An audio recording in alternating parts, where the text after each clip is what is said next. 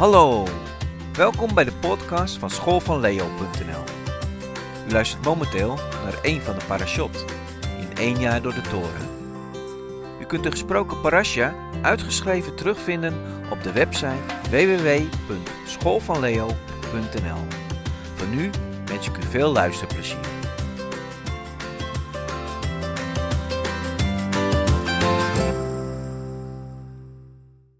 Deze week wordt Parasha Korach behandeld. Het Bijbelgedeelte dat gelezen wordt is nummer 16 vers 1 tot en met nummer 18 vers 32. In de vorige Parasha Shalach heb ik verteld dat de Torah en het Judaïsme voornamelijk gericht is op het auditieve, het horen, het luisteren. Het visueel maken van voorwerpen, mensen, zaken leidt namelijk binnen de Torah in 9 van de 10 keer tot zonde. Zo heb ik in Parashat Tetzaveh laten zien dat wanneer in Genesis een kleed, een mantel, een sleutelelement van het verhaal is, het gepaard gaat met de zonde van bedrog of verraad. In Parashat Shalach hebben we gezien dat Jaweh het bevel gaf tot het maken van het tzitzit. Deze gedenkkwasten aan het einde van de vier hoeken van het kleed moesten ervoor zorgen dat de Israëlieten aan de geboden van Jaweh werden herinnerd om te voorkomen dat zij niet dezelfde fout zouden maken als de tien verspieders. Het visueel maken van het herinneren aan de geboden van Jewe door middel van de gedenkwasten, de tzitzit, zorgde helaas weer voor een ander probleem, namelijk de opstand van Korach. Laten we gaan kijken welk verband er is tussen de tzitzit en de opstand van Korach. Om hier achter te komen moeten we terug naar het Bijbelboek Leviticus. In Leviticus 19, vers 19 komen we de volgende wet tegen. Mijn inzettingen zult gij bewaren. Gij zult van uw vee niet twee verschillende soorten laten paren. Uw akker zult gij niet met tweeërlei zaad bezaaien. En een kleed uit tweeërlei stof vervaardigd zult gij niet dragen. Deze inzetting komen we nog een keer tegen in Deuteronomium 22, vers 11, maar dan iets gedetailleerder. Gij zult u niet kleden met een kleed van tweeërlei stof, wol en linnen tezamen. De gewone Israëliet mocht dus geen kleding van twee verschillende stoffen, wol en linnen dragen. Ik zeg hier expliciet de gewone Israëliet. Er werd namelijk voor bepaalde Israëlieten een uitzondering gemaakt. En dit waren de priesters en hoge priester. In Exodus 28, vers 4b tot en met 6 lezen we: voor zowel Aaron als zijn zonen moet heilig kleding worden gemaakt, omdat zij mij als priester moeten dienen. Er moet gouddraad voor worden gebruikt, blauw-purperen, rood-purperen en karmozijnrode wol en fijn linnen garen. De priesterschort moet vakkundig geweven worden van gouddraad, blauw-purperen en rood-purperen wol en getwijnd linnen garen. Door het maken van deze heilige kleding werd duidelijk gemaakt dat de priesters en hoge priester alleen voor Jahweh geheiligd waren. Dat zij voor Jahweh en voor zijn dienst apart waren gezet. Zij mochten dienst doen in de tabernakel. Daarbij mochten de priesters het heilige betreden en alleen de hoge priester één keer in het jaar het heilige der heiligen. De Levitische stam, waar Korach onder viel, was ook door Jahweh geheiligd en apart gezet. Zij hadden de taak om de attributen van de tabernakel te mogen dragen, wanneer het volk het kamp opbrak en op weg ging. Zij mochten echter de attributen pas dragen wanneer deze door Aaron en zijn zonen bekleed waren met een kleed, omdat zij deze heilige voorwerpen niet mochten aanraken. De reden van de opstand van Korach, Dotan en Abiram en On, samen met 250 andere mannen uit de Israëlieten, lijkt vanwege de onvrede over hun taken als levieten. Daarom wilden zij ook het priesterschap ambiëren. In nummer 16, vers 8 tot en met 10 zegt Mozes namelijk tegen Korach: Hoor toch, gij levieten, is het u te weinig dat de God van Israël u heeft afgezonderd van de vergadering Israëls om u tot zich te doen naderen? Om de dienst aan de tabernakel des Heren te verrichten en voor het aangezicht der vergadering te staan om hen te dienen? En dat hij u en al uw broeders, de levieten, met u deed naderen? Streeft gij nu ook naar het priesterschap? Maar wanneer we naar de reden van Korach kijken, dan lijkt het niet zozeer zijn onvreden te zijn over zijn taken als leviet. In nummer 16 vers 3 lezen we, Zij, Korach, samen met de opstandelingen, dan liepen te hoop tegen Mozes en Aaron en zeiden tot hen, Laat het u genoeg zijn, want de gehele vergadering, zij allen zijn heiligen, en de Heere is in hun midden. Waarom verheft gij u dan boven de gemeente des Heren? Toen Mozes het hoorde, wierp hij zich op zijn aangezicht. Met andere woorden, zo zegt Korach, Mozes en Aaron, waarom zouden jullie de enige zijn die in zo'n nauwe relatie met Yahweh mochten komen, terwijl het hele volk in Yahweh's ogen geheiligd is? Dus iedereen is gelijk. Waarom verheffen jullie hier dan boven ons? Is dit nu grootspraak van Korach? Of heeft hij hier een punt? Eerder heeft Yahweh namelijk gezegd in Exodus 19 vers 6 En gij zult mij een koninkrijk van priesters zijn in een heilig volk. Dit zijn de woorden die gij tot de Israëlieten spreken zult.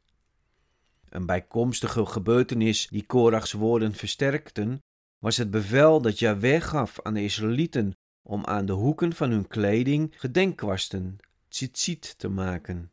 Het bijzondere van de tzitzit was dat Jaweh het bevel gaf deze gedenkkwasten van wol aan de hoeken van hun kleding van linnen te maken. In nummer 15 vers 38 lezen we, Spreek tot de Israëlieten en zeg tot hen dat zij zich gedenkkwasten van wol maken aan de hoeken van hun klederen van linnen, van geslacht tot geslacht, en dat zij in de gedenkkwasten aan de hoeken een blauw-purperen draad verwerken. Met dit bevel waren het niet langer alleen de priesters en de hoge priesters die kleding mochten dragen van twee verschillende stoffen, maar ook het gewone volk. Dus, zo was de gedachte van Korach, wat hebben jullie, Mozes en Aaron, dan nog op ons voor als gewoon volk? Nu op twee punten duidelijk is dat het gewone volk ook Jaweh toebehoort. Dit klinkt misschien heel nobel van Korach, door aan te geven dat heel het volk van Israël geheiligd is door Yahweh. Maar er klinkt hier ook iets doorheen, van de slang in de hof van Ede. Daar zei hij, God heeft zeker wel gezegd, gij zult niet eten van enig boom in de hof. Met deze vraag wist de slang de aandacht van de vrouw te verplaatsen naar juist die ene boom, namelijk de boom van kennis van goed en kwaad. Ook met de opmerking van Korach probeerde Korach de aandacht te verplaatsen dat de positie van Mozes en Aaron met zijn zonen niet zo bijzonder was als dat zij zelf voordeden. Uit het antwoord van Mozes in nummer 16 vers 8 tot en met 10 blijkt dat hij Korach doorhad en Korach uit was om de macht te grijpen naar het priesterschap. Met de opstand ondermijnde Korach niet alleen het gezag van Mozes en Aaron, maar ook die van Yahweh zelf.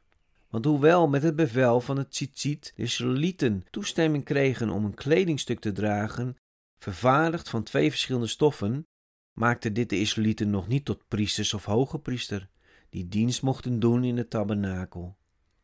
Ja, gezien vanuit de omringende volkeren vroeg Yahweh aan het volk Israël te handelen als priesters. Hiervoor was het gebod door Yahweh gegeven dat zij een kleed niet uit twee verschillende stoffen, wol en linnen mochten vervaardigen, maar ook niet van het vee twee verschillende soorten laten paren, de akker niet van tweeërlei zaad bezaaien en niet ploegen met een rund en een os tezamen. Op deze manier werd het volk Israël constant herinnerd dat Jahweh hen geheiligd en apart had gezet en zij zich niet moesten inlaten met de volkeren rondom hen. Het bevel van het tzitzit maakte nog niet dat het andere gebod, het niet mogen dragen van een kledingstuk vervaardigd van twee verschillende stoffen, had afgedaan. Ook verviel met het bevel van het tzitzit niet het verschil in positie tussen de Israëliet en de priesters en hoge priester. Want de kledingstukken die de priesters en hoge priester droegen, waren andere kledingstukken dan de talit.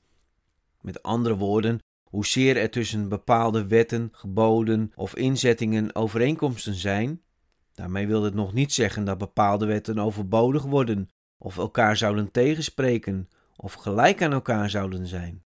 Maar de mensen die kwaad willen of een verborgen agenda hebben, zijn in staat om het wel op zo'n manier te brengen dat het lijkt of er een discrepantie is. Een geest van onderscheiding is dan ook zeer belangrijk En gelukkig had Mozes die geest ontvangen van Jewe.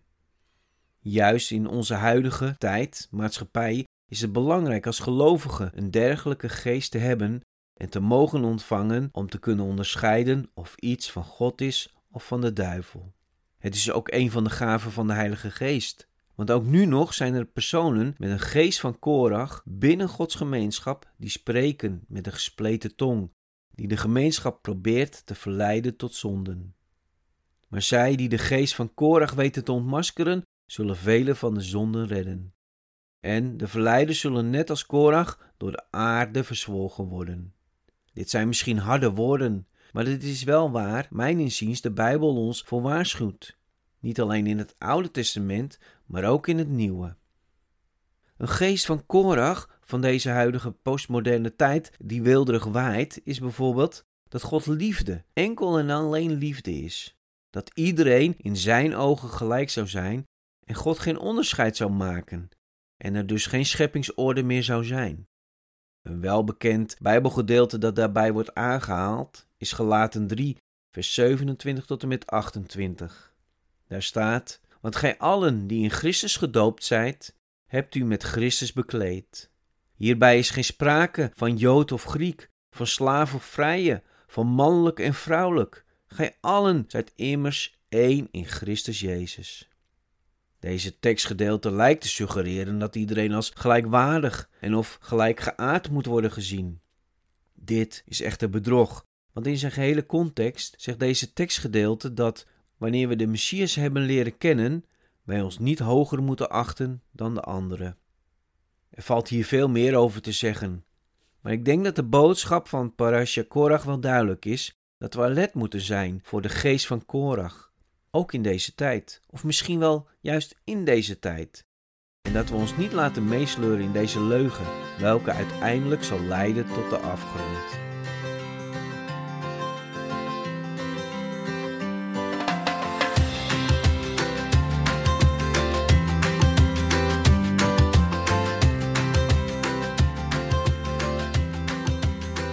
Bedankt voor het luisteren naar de podcast schoolvanleo.nl Wilt u meer Bijbelsonderwijs vanuit het Hebreeuws denken? Kijk dan op de website www.schoolvanleo.nl. Daar kunt u verschillende artikelen vinden die u helpen bij uw geloofsopbouw. Artikelen hebben een theologische, filosofische, bijbelwetenschappelijke of meditatieve karakter.